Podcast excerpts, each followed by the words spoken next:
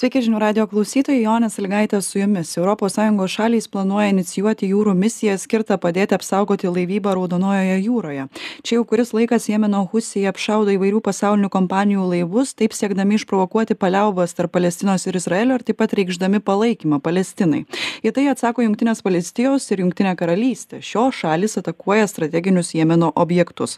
Kai kurios pasaulinės kompanijos dėl tiekimo sutrikimų šioje jūroje jau stabdo gamybą europoje. Taigi prie konflikto konflikto sprendimo nusprendė bandyti prisidėti ir pati europos sąjunga nors šiam sprendimui e, priešinosi ispanija visgi galiausiai ir ji misijos nusprendė neblokuoti. Europos sąjungai buvo sudėtinga vieningai įvertinti karą tarp palestinos ir izraelio. Taigi ar tikslinga įsitraukti į konfliktą raudonojoje jūroje o gal įmanoma tik apsaugoti laivybą ir neįsitraukti į veiksmus prieš husius? Apie tai ir pasikalbėsime. Aš sveikinuosi su vilniaus universiteto tarptautinių santykių ir politikos mokslų instituto dėstytoja daktare ieva koreivaite sveiki Labą dieną. Stebime kurį laiką, kas vyksta Raudonojoje jūroje, susirėmimai išties neramina, bet kiek čia gali dabar padėti būtent ES ir kiek tai gali būti, kad tik pablogins situaciją?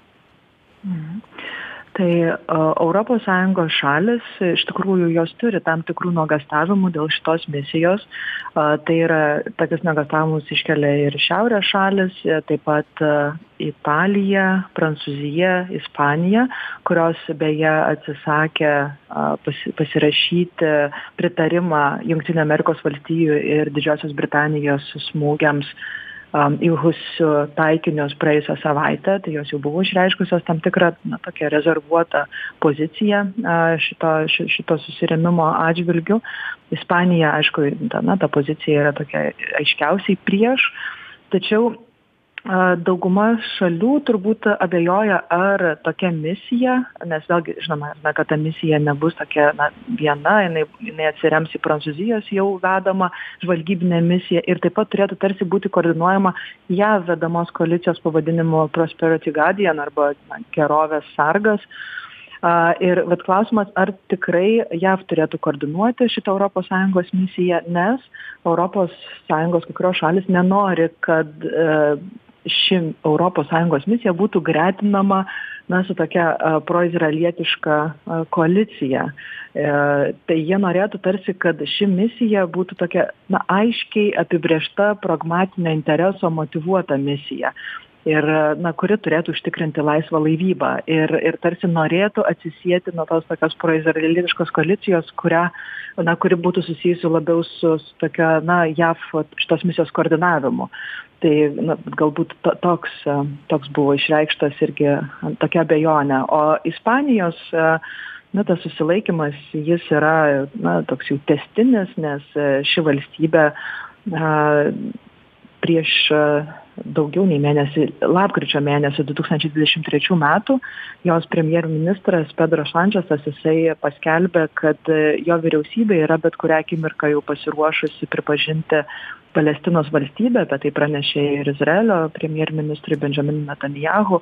Tai jie na jie tiesiog nenori kažkaip labiau įsivelti į vidurio rytus nes ispanija jau kuris laikas kalba apie tai kad jie nori demilitarizuoti savo misijas vidurio rytuose nes mato labai aiškią sąsają tarp to tarp teroristinių išpuolių europoje vakarų valstybėse ir ir tarp to ar ar ar vykdomos yra misijos tų šalių žodžiu vidurio rytuose. Tai jie tiesiog mano kad na tai tai jie jie tiesiog norėtų atsisieti nuo nuo šitokių veiksmų. Aišku dar yra ir kitų įvairiausių priežasčių ir vidinės politikos motyvacijos kodėl ispanija susilaiko jūs pabrėžiate kad kai kurios šalys nenori prisidėti prie to proizraelietiško naratyvo jeigu galima taip sakyti bet kitos šalys na nemato problemų. Ir čia kai kalbam apie tas kurios nepasirašė čia trys šalys kurios tarsi išstojo ir na nepritaria tam ką daro jungtinė karalystė ir jav bet buvo ir tokių kurios pritaria čia nyderlandai berods gal ir netgi vokietija dabar tiksliai nepamenu.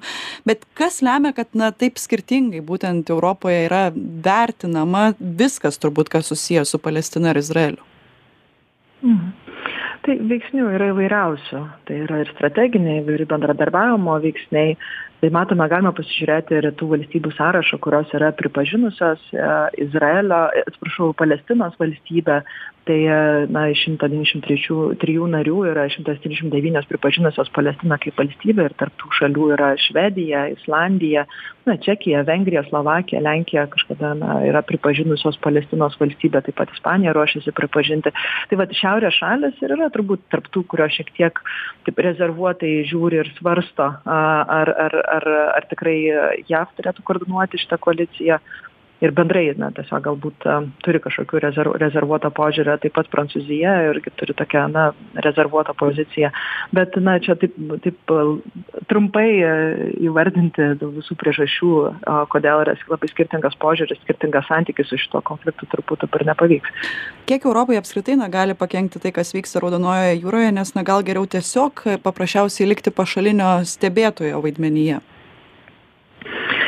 na mes žinome kad apie dvylika procentų pasaulio prekybos keliauja šituo maršrutu ir ta apylanka labai stipriai paveiktų ypatingai išsivysčiusias tas vartotojiškas visuomenes kainų kilimas būtų žymus. Nu tai tai automatiškai aišku kad norėdami apsaugoti savo ekonomiką europos sąjunga jinai na privalo kažkaip reaguoti.